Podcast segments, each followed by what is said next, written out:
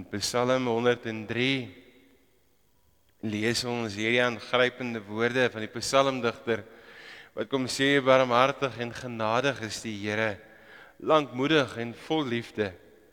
Hy sal ons ons sondes nie bly toereken en nie vir ewig toornig bly nie. Hy handel met ons nie volgens ons sondes nie, vergeld ons nie vir ons ongeregtighede nie. Want so groot as die afstand tussen die hemel en die aarde is, so groot is sy liefde vir die wat hom dien. So ver as die ooste van die weste af is, so ver verwyder hy ons oortredinge van ons af. Soos die Vader hom ontferm oor sy kinders, so ontferm die Here hom oor die wat hom dien. Mag ek en jy, broer en suster in ons lewe hieraan vas met die wete dat God my en jou verlos, dat die Here my en jou vrykoop en dat die Here se genade vir ons genoeg is, maar ook dat die Here my en jou in hierdie wêreld instuur. Ons gaan saam lees vanmôre in Romeine hoofstuk 15. Ons gaan daar lees vanaf vers 1 tot 13. Voordat ons daaruit lees, kom ons sing hierdie volgende lied saam.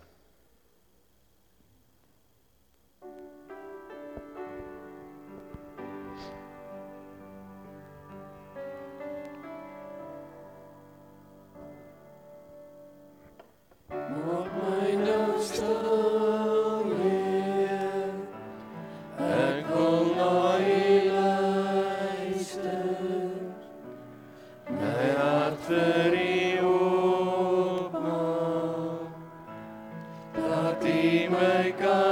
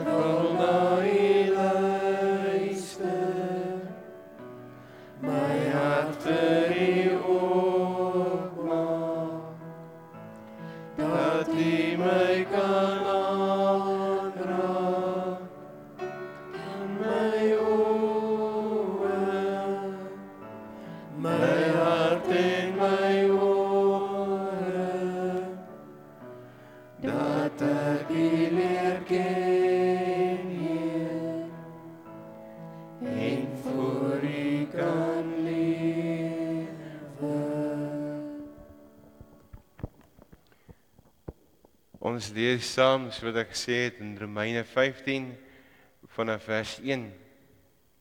Op ons wat sterk is in die geloof rus die verpligting om die swakhede te verdra van die wat nie sterk is nie. Ons moenie aan onsself dink nie. Elkeen van ons moet ons na, aan ons naaste dink en aan wat vir hom goed is en wat vir hom in die geloof kan opbou. Christus het immers ook nie aan homself gedink nie, inteendeel. Dit was met hom soos daar geskrywe staan, die beledigings waarmee mense u beledig het, het op my neergekom. Alles wat vooraf in die skrif opgeteken is, is tog opgeteken om ons te leer sodat ons deur die standvastigheid en bemoediging wat die skrif ons gee, vol hoop kan wees. En mag die bron van alle standvastigheid en bemoediging gee dat julle eensgesind onder mekaar sal wees soos Christus dit wil hê. Dan kan julle almal eensgesind uit een mond lof toebring aan God die Vader van ons Here Jesus Christus. Aanvaar mekaar dan soos Christus julle ook aanvaar het tot eer van God. Ek bedoel dit. Christus het gekom om in om in belang van die Jode 'n dienaar te word. Hy moes vir hulle die waarheid van God bevestig deur die beloftes wat die voorvaders ontvang het waar te maak. Hy het ook gekom sodat die ander nasies God oor sy ontferming sou verheerlik, soos daar geskrywe staan. Daarom sal ek U loof voor die nasies en tot eer van U naam sal ek 'n lofpsalm sing. En elders verbly julle ander nasies saam met sy volk en prys die Here alle nasies loof hom alle volke. En Jesaja sê ook Esau sal 'n nakomeling hê en hy sal opstaan om die nasies te regeer. Op hom sal die nasies hulle hoop vestig. Mag God die bron van hoop julle deur julle geloof met alle vreugde en vrede vervul sodat julle hoog hoop al hoe sterker kan word deur die krag van die Heilige Gees. Tot sover ons skriflesing van môre. En ons teks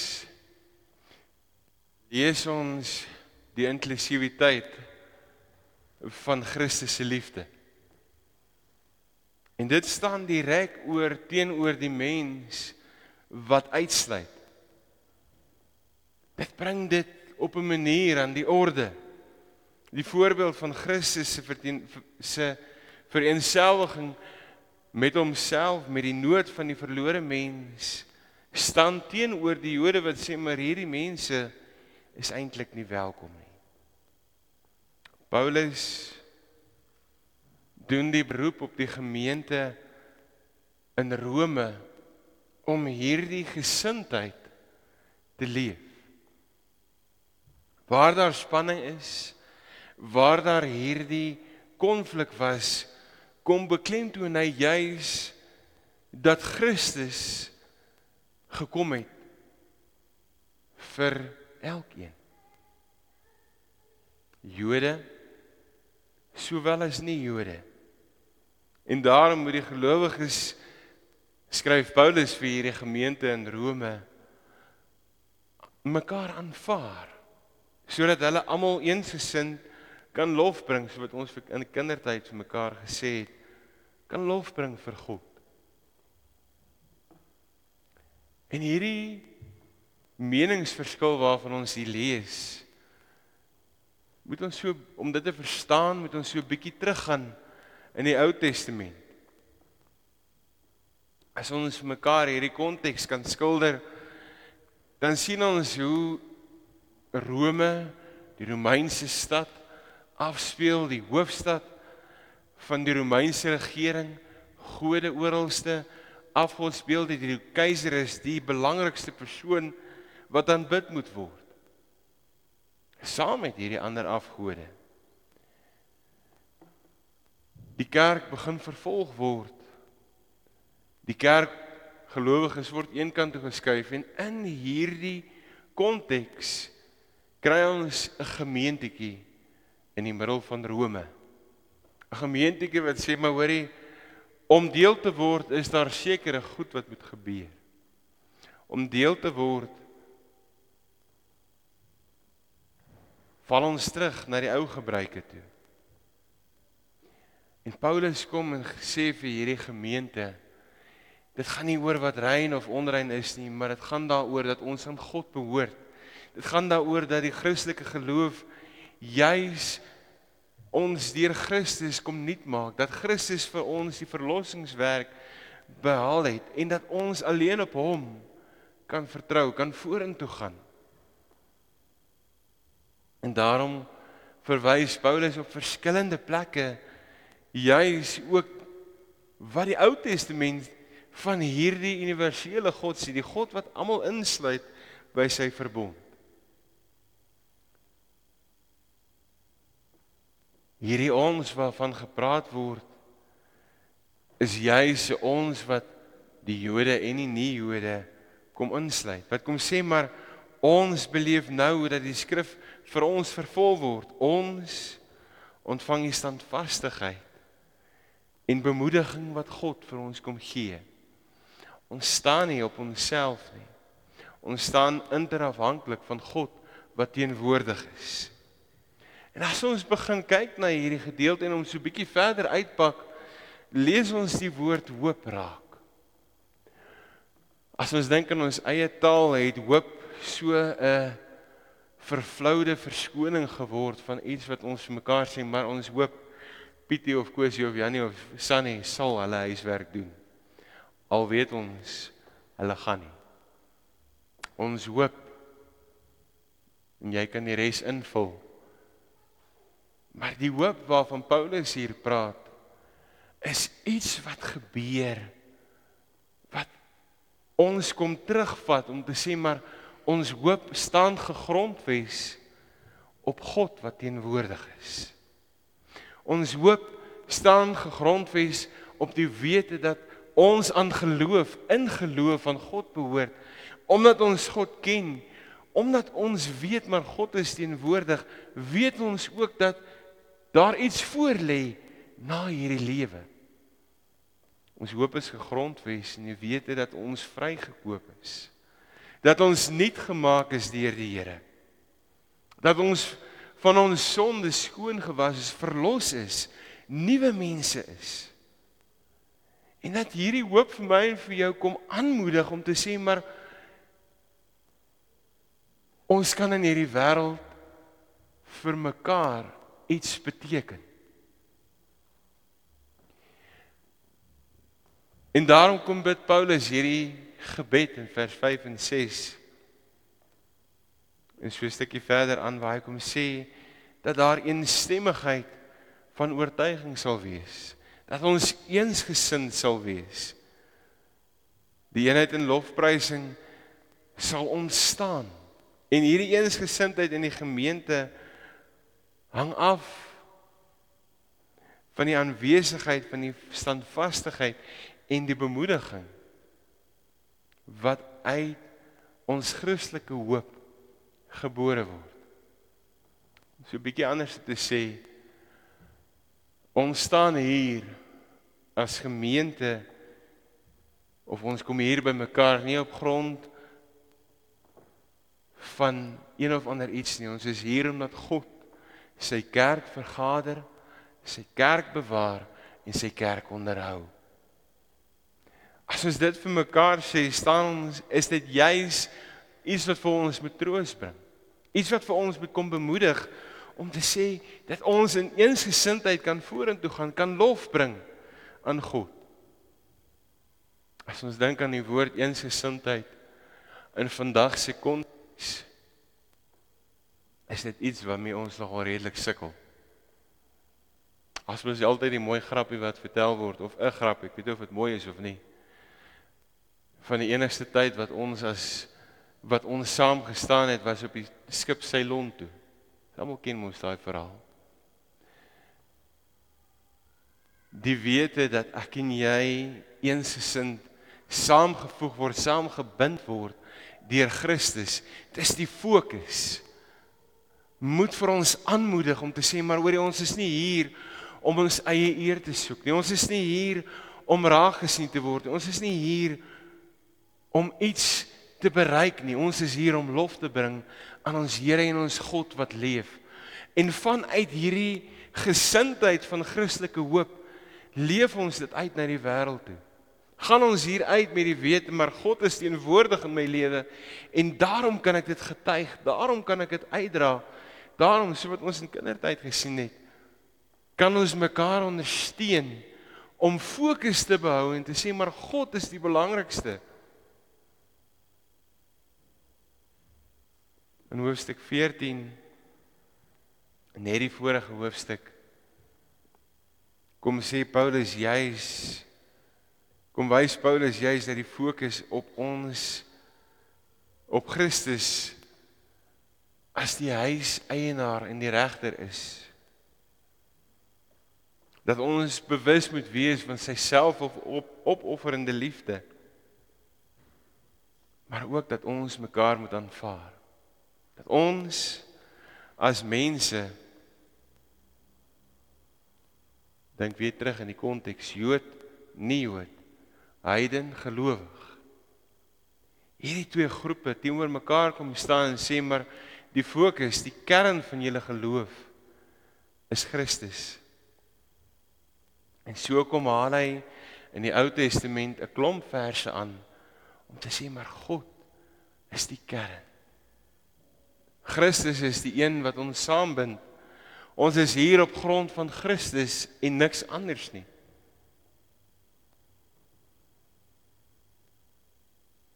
As ons na ons eie lewe kyk, na ons eie konteks, na ons eie vrae wat ons het. Kom die vraag by my op, maar hoekom sukkel ons so om mekaar te aanvaar? Hoekom sukkel ons om hierdie eensgesindheid uit te leef soos wat Christus vir my en vir jou verwag? Omdat mense nie is soos wat ek wil hê hulle moet wees nie. Dat mense nie dink en doen soos wat ek wil hê hulle moet dink en doen nie. Ek en jy het sekere voorkeure aan sekere soort mense en aan wie ons ons voorkeure ook gee. Hulle is nie soos ons, nie so ons ontvaar hulle nie.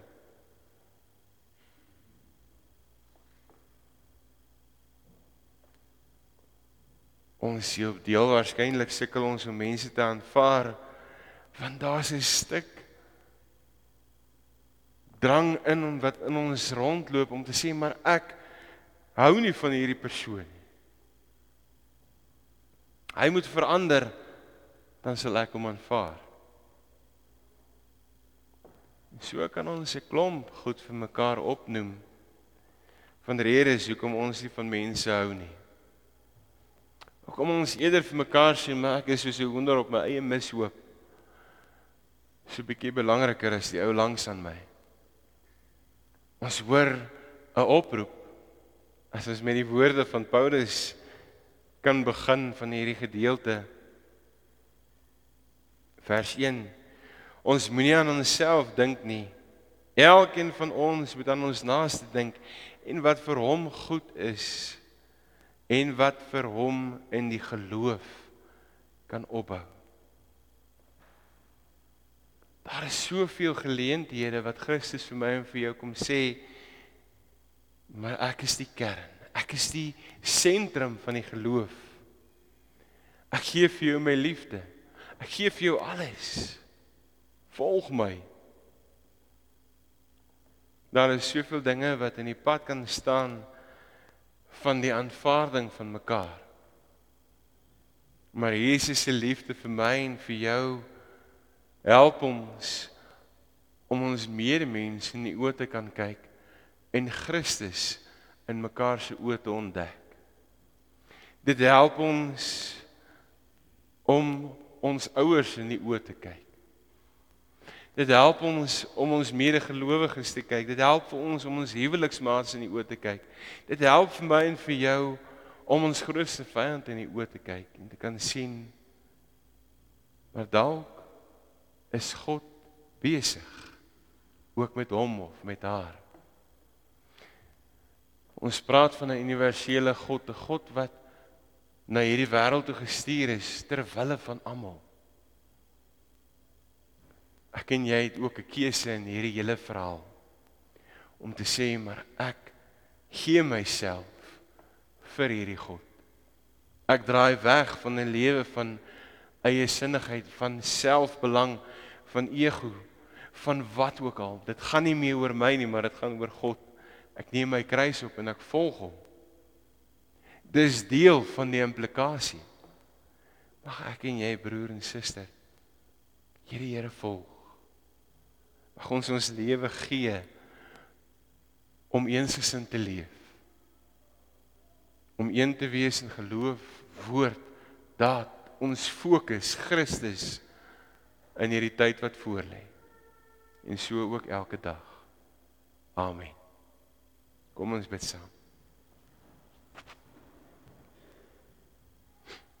Here, dankie Here dat ons hier kan wees en in hierdie oomblik bewus kan wees van U wat ons oproep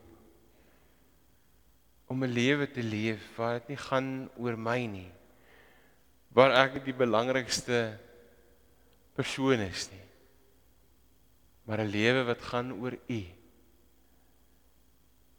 U wat die kern is. En omdat U die kern is Here is my fokus nie meer op myself nie maar op die mense rondom my